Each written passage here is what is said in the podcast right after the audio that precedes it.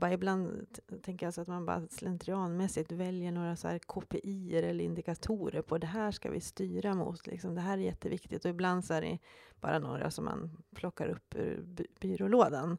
Men att man faktiskt också börjar se liksom den, de här, det här med relationell koordinering som en väldigt viktig faktor för framgång.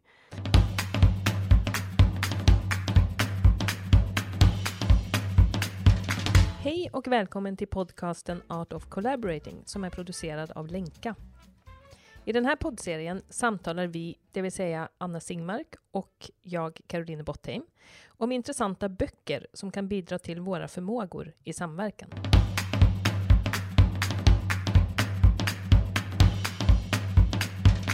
Ja, men idag, Anna, så ska vi prata om en bok vi har läst av Jodie Hoffer Gittell.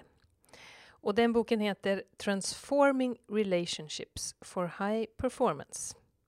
The Power of Relational Coordination.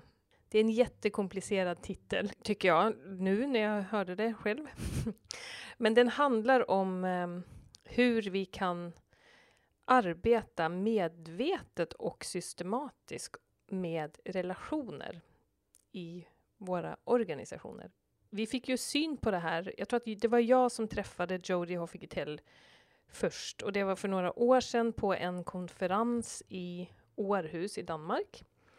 Och den konferensen handlade om relationell välfärd. Eh, så där, jag vet inte, jag får en bild av att man har jobbat mer med det faktiskt i Danmark, det här med den relationella ansatsen. Att liksom se på eh, ja, välfärdssystemet och på organisationen mer utifrån ett liksom, relationellt perspektiv. Um, men då i alla fall samlades där väldigt många olika forskare, bland annat Jodie då. Och då kom jag i kontakt med henne och sen har vi haft ganska mycket dialog med henne. Hon är ju från USA. Eh, och sen har vi även varit på en konferens i Danmark och träffat henne och massa andra eh, spännande människor som har fokus på just relationer. Är det något mer vi behöver säga om henne innan vi går in i samtalet? Ja, men vi kan ju säga att hon är forskare. Eh, hon är forskare på Brandeis University. Det spännande med Jodie var just att hon började liksom eh, väldigt djupgående forska kring vad är det som gör olika eh, organisationer liksom framgångsrika. Eh, och att hon egentligen har befäst då forskningsmässigt att att det sätt som vi arbetar med vår koordinering faktiskt leder till, till resultat. Och hon började ju forska på, på flygbolag och såg egentligen att, eh, ja, men att det sättet som vi egentligen koordinerar oss relationellt, att det påverkar jättemånga saker. Allt från ja, produktivitet till kundnöjdhet till, ja, till en rad liksom, av de här positiva faktorerna. Och sen gick hon ju vidare och, och eh, tittade på hälso och sjukvården och hon har också eh, forskat på kommuner och, och också samverkansinitiativ kopplat till de här frågorna. Så det är ju spännande att hon någonstans också forskningsmässigt har befäst egentligen relationernas eh, betydelse. Ja, nu tänkte jag också på, för när vi var på konferensen där i Danmark, eh, i Köpenhamn var det väl, Eh, då var det ju jättemånga olika eh, personer från alla möjliga delar av världen där också som, hade liksom, som jobbade med helt olika saker, kommer jag ihåg. Så det kunde vara både liksom byggbranschen och eh, ja, mycket, mycket också eh, sjukvård och sådär. Men, men det var liksom väldigt många olika projekt som presenterades där. Hon håller ju i ett globalt nätverk ja, där, där man liksom utforskar de här frågorna helt enkelt. Så det är en väldigt spännande, ett spännande perspektiv och något som har gett oss väldigt mycket inspiration, tänker jag, när vi har jobbat i samverkansprocesser. Okej, men nu ska vi eh, checka in på samtalet. Så vad ska check-in-frågan vara idag? Tack för den. Eh, vad ska den vara? Vad tycker du blir mest relevant att vi pratar om kopplat till den här frågan? Ja, men jag, på, på, något sätt så tror jag att jag tycker det är jätterelevant att överhuvudtaget prata om den här frågan. För att det finns ju någon form av tro ibland att, att, de här, att våra relationer och vår kommunikation, att det sker av sig självt. Och att man liksom, det borde, ja, det, det borde man kunna. Vi har ju läst det där att man ibland kan kalla relationer för mörk materia, att, eller materia. Att man liksom, vi kan inte se det riktigt, vad det är som händer mellan oss. Och egentligen så tänker jag att det, det Jodie Hoffe Gittell har gjort, det är ju att på riktigt synliggöra vad är det som händer mellan oss och hur kan vi jobba med det systematiskt. Så vad var check-in-frågan? Vad blir relevant att prata om? Ja, men det blir bara relevant att prata om hur kan vi ta oss an den relationella dimensionen på våra arbetsplatser? Eller liksom, ja, tycker jag. Ja, och jag tycker lite eh, likadant att både synliggöra eh, relationers betydelse, att vi pratar lite om det och sen också kanske går in lite på hur kan man då eh, mer metodiskt arbeta med att förstärka relationerna i en organisation och i ett samverkansinitiativ. Bara som en kommentar på det vi just sa, eh, att liksom ta relationer på allvar eller att jobba med dem professionellt. För jag, ibland så tycker jag att det känns som att vi att det relationella är liksom något som vi gör privat. Alltså, alltså, relation kan liksom tolkas, jag vet, alltså i det svenska språket tänker jag på det, att man tolkar det lätt som en privat relation eller en kärleksrelation eller lite sådär något mjukt och något som inte liksom hör hemma riktigt kanske i eh, på arbetsplatser. Eller i så fall så är det liksom något, det handlar kanske om trivsel eller sådär, men jag bara tänker att um, eftersom vi vi tycker ju att det här är så viktigt, men det känns ibland som att i många organisationer så har man inte riktigt utvecklat ett språk för det kanske och inte heller arbetsformer. Och det, man tror kanske mer på att göra organisationsförändringar eller liksom förändring av struktur eh, eller hur man boxar in delarna i en organisation än att jobba med relationerna. Så det är väl en sån bara att liksom, ja, ta in det där. För, för jag tänk, tänker ibland att det känns som en tröskel, liksom, att överhuvudtaget börja intressera sig för det. Ja, verkligen. Och, och, det är ju någonstans ganska sällan, eller jag vet inte om jag har varit med om det, där till exempel en eh, styrelse eller en ledning har, har heller efterfrågat egentligen, eh, ja men hur ser det ut liksom eh, med vår koordinering mellan våra olika delar eller mot våra kunder eller mellan medarbetare, mellan avdelningar. Att det är ju, som du säger, det är lite så okänd materia också. Det är ingenting som, som vi automatiskt, eller vi kanske vet det lite undermedvetet, att det är ju hur vi pratar och relaterar till varandra som påverkar resultaten. Men det är ju inget som är uppe på agendan, att man faktiskt eh, intresserar sig för det liksom rent strategiskt. Sådär. Nej, det känns inte så. Och där, kom, och där är det ju intressant att, att läsa eh, om Jodie Gitells forskning. För hon har ju sett, eller hon har ju verkligen gjort massa, massa forskning på det här och ser väldigt tydliga samband mellan det här att är vi bra på att koordinera oss mellan enheter till exempel, eller mellan specialistområden eller sådär i en organisation, eller mellan olika aktörer i en samverkan eller så eh, då får vi bättre resultat och bättre kvalitet i det vi gör. Eh, och det blir mer liksom, eh, trivsel på arbetsplatsen. Det är mer innovativa lösningar, mer lärande. Så det är liksom väldigt många positiva effekter av att eh, ha fokus på det som hon då kallar för relationell koordinering, vilket ju i sig är ett intressant begrepp. Men, men det handlar om att vi är eh, titta på hur relaterar vi till varandra Eh, vad är det vi liksom pratar om? När gör vi det? Är det ett bra sätt att, att koordinera oss på? Så det är liksom eh, hon har ju både, hon lyfter ju verkligen resultaten av att lyckas med det. Eh, och även vad är det vi behöver fråga efter när vi tittar på relationen eller liksom den koordineringen.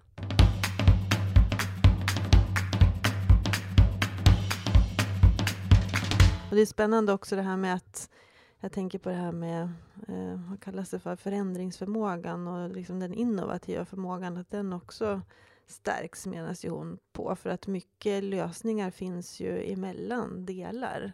Eh, så att bara liksom att samtala med varandra över, över gränser gör att vi kommer på nya lösningar och kan vara mer också adaptiva egentligen. Eh, och sen menar hon ju också på att relationell koordinering någonstans också, vad ska man säga, sänker de här hierarkiska trösklarna. Liksom att eh, man kanske inte pratar med varandra alltid över olika, i, över olika hierarkiska nivåer eller man, man, eh, man agerar lite separat. Men ju mer vi till exempel eh, mellan en ledning pratar med medarbetarna och pratar med kunder och medborgare, desto mer förstår vi också hur vi ska göra. Så att det är ju på många olika ledder egentligen den här koordineringen kan leda till att vi kan agera eh, bättre och, och med mer kvalitet. Ja, och det handlar ju då, tänker jag, om att man får syn på den andras perspektiv. Det är ju väldigt mycket det det handlar om.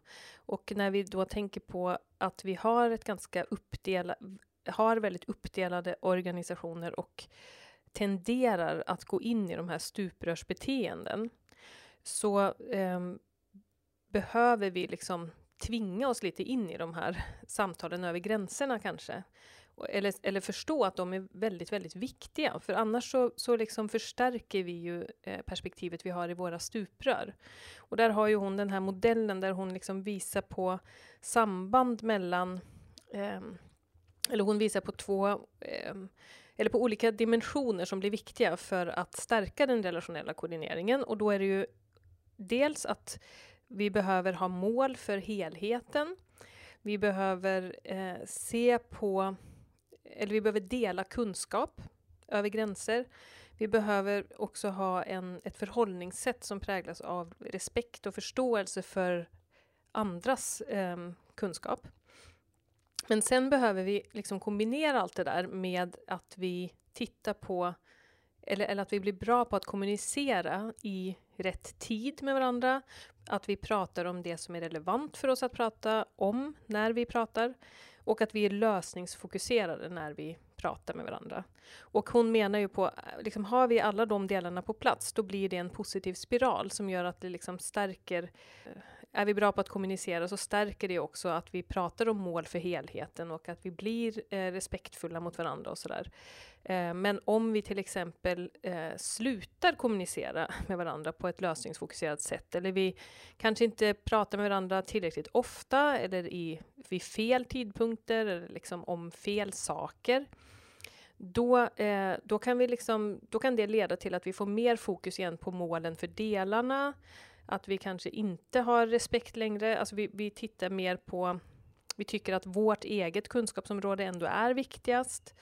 Eh, och eh, vi liksom, ja, det, det, blir en negativ spiral som gör att vi tappar också fokus på kommunikationen och hur vi ska liksom gynna helheten på något sätt. Så det är liksom någonting som inte det säger hon ju också att det här sker ju inte av sig självt. Vi får liksom försöka vara medvetna också, eller ha ett medvetet fokus på hur vi kan utveckla eh, våra, vår kommunikation mellan oss. Ja, och det är lite spännande att hon, hon lyfter ju egentligen olika saker i den här boken som kan förstärka den här koordineringen. Hon pratar ju om vilket ledarskap som behövs. Vad, vad behöver egentligen ledare ägna tid åt. Eh, att det kanske mer handlar om det här med att liksom skapa goda konversationer emellan och, och liksom eh, bidra till att man eh, liksom känner respekt för varandras arbete och sådana saker. Men sen har hon ju också det här spännande att hon faktiskt också har tagit fram ett index där man kan mäta egentligen förändringen i den här relationella koordineringen. Så det är ju lite häftigt att, att eh, man också kan se liksom, ja, en, en förändring i det hela. Och så jag tänker på de här fina frågorna som vi också läste och pratade om. Eh, att, att bara ställa den här typen av frågor som gör att vi börjar fundera på hur vi hänger ihop eh, är ju lite spännande. Och, och, några frågor som hon lyfter som man bara kan föra dialog kring mellan medarbetare kan vara till exempel att man ställer frågor som ja, men vad är det viktigaste du gör i ditt jobb och i din roll? Och vad upplever du som mest meningsfullt? Eh, men också, vad är det jag gör i min roll och i mitt arbete som hjälper dig att göra ditt? Och vad skulle jag kunna göra annorlunda för att hjälpa dig eller för att underlätta för dig ännu mer? Och när tycker du att vårt arbete är bra synkat? Eh, och när tycker du att det känns som vi drar åt olika håll? Att bara liksom också ställa den typen av frågor i en organisation öppnar ju någonstans upp för, för det här liksom som händer i, emellan oss. Ja, och den sortens frågor är väl kanske inte något som, som vi bara gör per automatik, tänker jag. I alla fall inte jag gör inte det. Jag kommer ihåg när vi var, nu är vi två på länka, för jag menar om vi ska nu bara Jag tänkte just om vi skulle ställa de frågorna till varandra, det skulle ju faktiskt vara lite intressant. Vi ställer inte heller de frågorna så ofta till varandra. Vad är det jag gör i mitt jobb som hjälper dig att, i min roll? vi har ju liksom alla roller på Länka, Fast vi har ju ändå uppdelat det lite. Men, men jag tänker när vi är två, då finns det en ganska bra en, en ganska stor sannolikhet att vi är ganska synkade. Liksom. Men jag vet när vi var tre, då vet jag att vi funderade på det där. Liksom. För vad är det vi behöver prata om tillsammans? Kommer du ihåg det? Att vi liksom prat, då blev det plötsligt ett tema. Så, och det är ju liksom, så man behöver inte vara så många innan det här blir väldigt relevant. Liksom. Eh, och igen tänker jag att det är det där att eh, ställa frågan och få syn på olika, de olika bilder. För vi har ju en tendens att tro att, jag tror ju att min bild är den sanna bilden som du också har, men så är det ju inte. Så att, eh, liksom att ställa varandra eh, frågor om relationen är ju viktig. Ja, och du är inne på det att det är ju lättare när man, ju, ju färre man är i en organisation, desto lättare kan man ju liksom kanske också ha tid att prata om olika saker. Men det är ju spännande också när organisationer växer eller, eller när komplexiteten växer på något sätt, att man kanske då tappar lite grann. Man utvecklar roller och funktioner och man, man liksom tänker ja, men då borde ju den prata med den utifrån någon typ av organisationsschema. Och det kan ju till och med vara så att eh, att en ledning för en organisation glömmer att prata med kunder eller medborgare och tänker att ja, men det, behöv, det behöver inte vi göra längre utan vi sitter på någon typ av övergripande plan här och funderar. Att man liksom släpper de här viktiga kopplingarna på något sätt. Nu bara tänkte jag att jag tror faktiskt inte att det blir lättare när man är färre. Jag tror att när man är två, men jag tänker bara när man är tre, så är det, alltså det, det öppnar upp för att det blir svårt. Men, men jag tänker att, eh, att, ja, att det är så viktigt att, ja, dels det här med när vi är stora och komplexa system, att det liksom vi behöver ju hela tiden prata om det här. Det är liksom inte heller, alltså bara att ha tagit fram då en, en organisation eller liksom ett eh, organigram eller sådär en gång, så tror man att ja, men nu fattar ju alla vad de ska, hur de hänger ihop, för det står ju på pappret. Men det är ju precis det som inte, så är det ju inte. Så att vi, och, och vi kan inte heller förstå, eller jag tänker att saker förändras ju hela tiden, vi kanske får nya målgrupper eller vi, eh, omvärlden förändras eller vi får nya uppdrag eller vad vet jag. Så det betyder ju att vi hela tiden behöver vara lite flexibla i det vi gör. Och om en del av organisationen, en enhet eller någon liten del förändras eller får något nytt uppdrag, då behöver ju den koordinera sig med de andra. Och det tror jag att vi ibland tappar bort eller inte tänker på. Eh, Jodie Hoffigetell pratar ju också om de här feedback-looparna, att det är liksom viktigt att vi bygger in på något sätt feedback i systemet, så att vi behöver förstå så här, vad, vad är det, ja men precis som de frågorna som du läste upp där, vad, vad är det vi gör som påverkar er, eller hur påverkas ni av det sättet vi jobbar på, på vår enhet till exempel? Och det tänker jag att eh, sådana samtal eh, för vi inte så ofta för att det är just eh, lite... Ja, vi, vi, inte, vi har inte den vanan helt enkelt.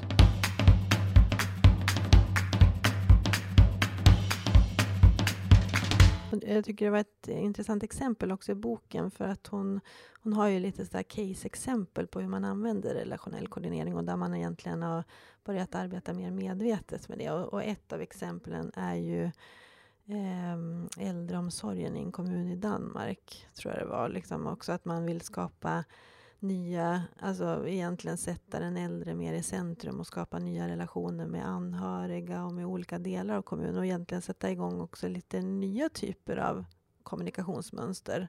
Och, och i det caset var det också så att att det var ju flera som uppfattade att de inte pratar med varandra särskilt mycket men skulle egentligen behöva prata med varandra. Så ibland bildas det också någon typ av relationsmönster kring en fråga som vi, vi nästan inte är medvetna om det men ibland kanske behöver lyfta blicken. Vart är de starka relationerna? Vilka relationer kan utvecklas? Hur kan vi gynna det vi ska jobba med ännu bättre? I det här fallet var det ju då den äldre. Och det är jättespännande det här också. Alltså vad, vad, kan vi förstärka kopplat till en samhällsfråga eller kopplat till en viktig fråga? Ja, det är jätteintressant. Så det handlar både om liksom vilka, vilka relationer är egentligen viktiga Och eh, har jag dessutom, får jag syn på alla dem? Eller för det är ju också en fråga man kanske behöver ställa i olika delar av ett system då. Så att man frågar de andra, vilka relationer tycker du är viktiga för att, ja, i det fallet då, den här, den äldre ska få en bättre situation eller vad vet jag. Eh, och då får man ju syn på Eh, beroende på var vi befinner oss så, får vi, så ser vi ju också olika relationer som blir viktiga och så. Så, att, eh, så det är igen det där att, att liksom prata om det på något sätt och synliggöra det som är eh, det som håller ihop oss. Ja, men det kan vi väl också se, för vi har ju i vissa utvecklingsprocesser lyft det här perspektivet och låtit eh, deltagarna också prata om eh, relationerna kopplat till en viss fråga. Och det är ju egentligen varje gång så har det ju kommit lite olika ha-upplevelser. Så här, att ja, men har, att man, man har inte tittat på frågan utifrån det perspektivet och säger ja men nu fick jag syn på liksom fler, fler saker här. Nu fick jag syn på att ja, men de här eh, länkarna och relationerna kanske jag skulle behöva jobba mer med och här har vi inte ens någon relation. Alltså att man bara sätter på sig de glasögonen verkar på något sätt också öppna upp för oss så att vi ser nya saker. Mm. Jag tänker också det, när vi, gör, när vi gör det och pratar om det så blir det en väldigt bra, eller det känns väldigt meningsfullt. Och så tänker jag, eller jag undrar bara så här att ibland så känns det som att man sen tappar bort det där perspektivet ganska snabbt. Och jag undrar liksom vad beror det på egentligen att vi inte, att det inte är mer självklart för oss att vi liksom eh, pratar om relationerna mellan mer. Alltså, det är ju som att vi tror att eh, det, jag tycker bara det är fascinerande att vi liksom glömmer bort det där så lätt. Eh, så vi är så upptagna liksom med, med att vara i vår egen lilla box liksom, på något sätt. Ja, verkligen. Och jag tycker också att det, eller hon menar ju på något sätt att i den här boken, tänker jag, att dels handlar det ju om äh, att vi får till liksom bra dialoger emellan oss, men hon tror ju också på att vi måste stärka de här relationella strukturerna egentligen i våra organisationer. Att det görs inte av sig självt. Så hon lyfter ju också olika olika saker som vi liksom rent organisatoriskt egentligen kan stärka. Och det är ju allt från eh, ja, men, eh, det här med att sätta mål för helheten och kanske skapa också eh, belöningsstrukturer som stärker det. Hur vi kan liksom träna för att, eh, eller hur vi kan kompetensutveckla oss mer kopplat till samverkan och teamwork. Ja, men det är många saker som vi kanske inte har riggat heller våra organisationsstrukturer utifrån för att stärka det här fenomenet. Nej, precis. Och, det, och då är det väl också det här att det är både och hela tiden. Det går liksom inte, det är ju det hon visar på så tydligt, att det behövs både mål för helheten och en välfungerande kommunikation som vi hela tiden behöver prata om tillsammans och utvärdera för att liksom veta att vi är på rätt väg på något sätt. Ja, det är någonting med det där, eh, tänker jag också, som är, som är spännande i, i förändringsprocesser och så, att för, för ska man förändra en relation, alltså vi, pra, vi brukar ju prata om kommunikativa mönster, att vi kan gå in i, i mönster i kommunikationen. Men vi kan ju också gå in i relationella mönster, att man liksom utgår, alltså man förhåller sig till en annan på ett visst sätt. Man har liksom lärt sig det på något sätt. Och, eh, och då kan man också begränsa sig själv. Nu, nu tänker jag också på, nu har jag mitt, ett personligt exempel med min dotter att, eh, som ju har blivit eh, snart eh, hon är ju vuxen rent officiellt. Det är ju jag också rent officiellt. men det är vi ju inte egentligen. Men, eh, men, jag, men det jag tänkte på var att jag vet att jag hade ett samtal med henne en gång för att det blev så tydligt för mig när, när vi liksom bodde ihop, hon och jag. Eh, och hon vi hade liksom haft en mor och dotterrelation som var ju väldigt, som är ju väldigt starkt mönster kan man säga i den. Eller man liksom är ju då på ett visst sätt, jag är ju den som ska uppfostra på något sätt. Eh, och det blev väldigt så här, typiska sådana mönster i vår interaktion och då, eftersom jag är lite yrkesskadad så eh, vill jag ju testa det någon gång och bara ha ett samtal med henne om vår relation. Och liksom prata om hur ändrar sig den nu och vad betyder det liksom för oss i olika, för våra beteenden och vår interaktion och hur, och hur vi kommunicerar när vissa situationer uppstår som ju då oftast handlar om liksom hur, man, hur vi delar på hushållsarbetet, eh, som det ju brukar bli. Men jag tänkte på det att det, det är ju en, ett exempel på en relation, alltså mellan föräldrar och barn, som faktiskt förändras. Men där vi inte heller kanske har en vana av att liksom prata om relationen tillsammans. Och det är ju så intressant, för jag menar det där är ju det är så kulturellt, liksom. det, det, är ju, det hänger ihop med så mycket. Men, men det finns ju inte heller kanske i vår kultur sådana ritualer riktigt längre, att man liksom går, alltså att, att den, de här förändringarna tas om hand på något sätt. Alltså, eh, det blir liksom någon form av flytande. Det, det, är också så att vi tror att det ska ske av sig självt, men det gör ju inte det. Och det betyder att vi kanske stannar kvar i relationella mönster som egentligen inte är anpassade till den situationen vi har.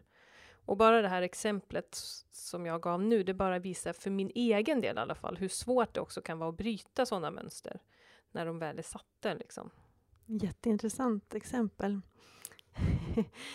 och så jag har också börjat tänka på organisationer man har varit i också. Det är ju väldigt lätt att man kanske går och pratar med vissa som man känner eller som man har skapat en kontakt med. Eller, eh, man hamnar ju någonstans i relationella mönster också på en arbetsplats eller ja, men i det arbete man gör. Så det är ju, eh, det här är väl på något sätt att, ett, eller ett sätt att få syn på, på att man också kan bryta dem och, och fundera på hur behöver jag utveckla mina relationer.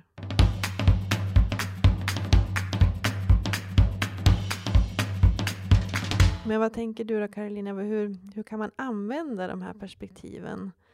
Eh, till exempel då i samverkan som vi är väldigt intresserade av. Ja, men jag tänker ju att man kan börja med att eh, ta det relationella, den relationella dimensionen på allvar och liksom tänka på den mer. Och, och börja prata om den tillsammans hon har ju massa exempel på olika frågor och eh, också som hon frågar efter i sin forskning.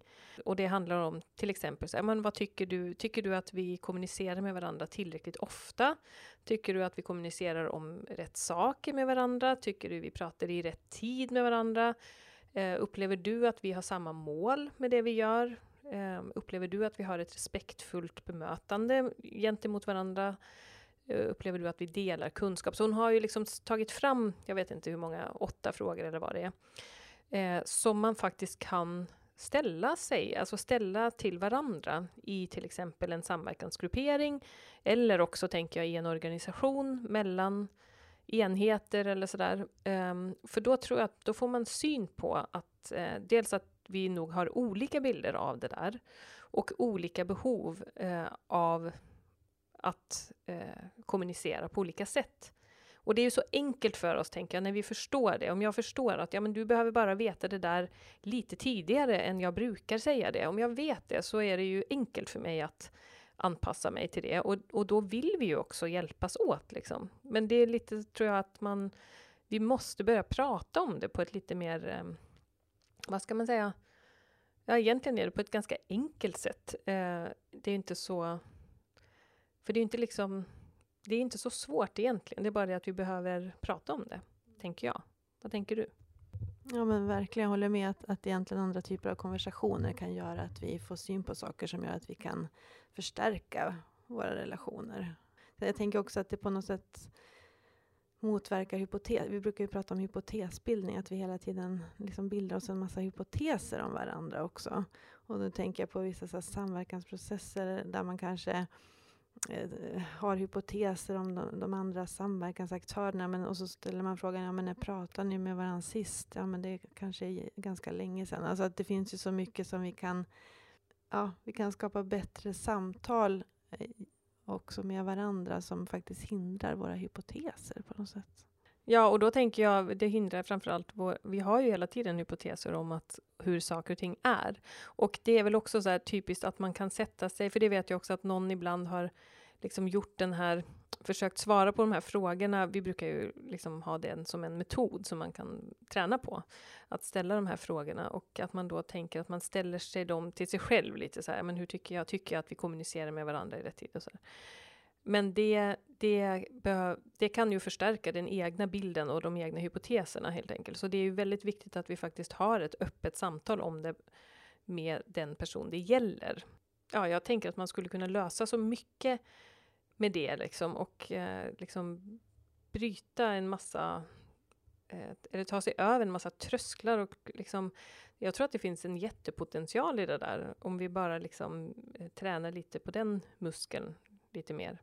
Ja, och så vore det ju coolt på något sätt att det här kom upp på agendan lite mer. Alltså i våra organisationer och i olika eh, Eh, forum liksom för utveckling. Att jag tänker bara ibland tänker jag så att man bara slentrianmässigt väljer några så här KPI eller indikatorer på det här ska vi styra mot. Liksom. Det här är jätteviktigt och ibland så är det bara några som man plockar upp ur by byrålådan. Men att man faktiskt också börjar se liksom den, de här, det här med relationell koordinering som en väldigt viktig faktor för framgång. Eh, det skulle vara häftigt att se den typen av Eh, liksom resonemang kring viktiga frågor. Att eh, liksom, här ska vi kolla på den relationella koordineringen. Här ska vi liksom se att utvecklar vi den så kommer vi framåt. Att, att man faktiskt börjar eh, ja, se det som en strategisk förmåga. Ja, och kanske också att jag tycker att det som är fint med den, det är att det handlar inte om att vi alla heller ska liksom bli samma eller så, utan det handlar på riktigt om att vi blir ganska medvetna om vad är vår, vad är min del i helheten och hur behöver jag då koordinera mig med de andra delarna? Så det är ju liksom en eh, eh, Ja, men eh, jag vet inte. Jag, det, jag tycker inte alls... Jag, jag, bara funderar lite på varför det inte sprider sig mer sådana här saker, liksom sådana metoder och ansatser. Eh, och så funderar jag lite också på varför, eh, var, varför har vi alltid åkt till Danmark på sådana konferenser om relationell välfärd? Nu var det ju en, hade, var det ju en planerat i Norge. Eh, men jag har inte sett någon sån här i Sverige. Och då funderar jag, vad tänker du kring det? Är det liksom varför, är, varför får sådana där saker olika fästen i olika länder? Ja, nu skrattar du. Nej, men jag har inget svar på den frågan.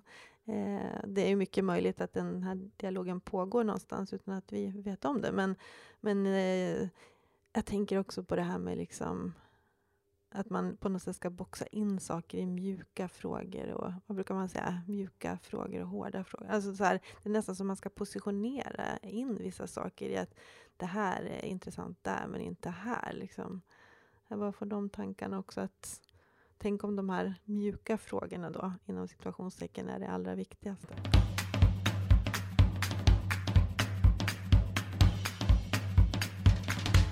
Tack för att du har lyssnat.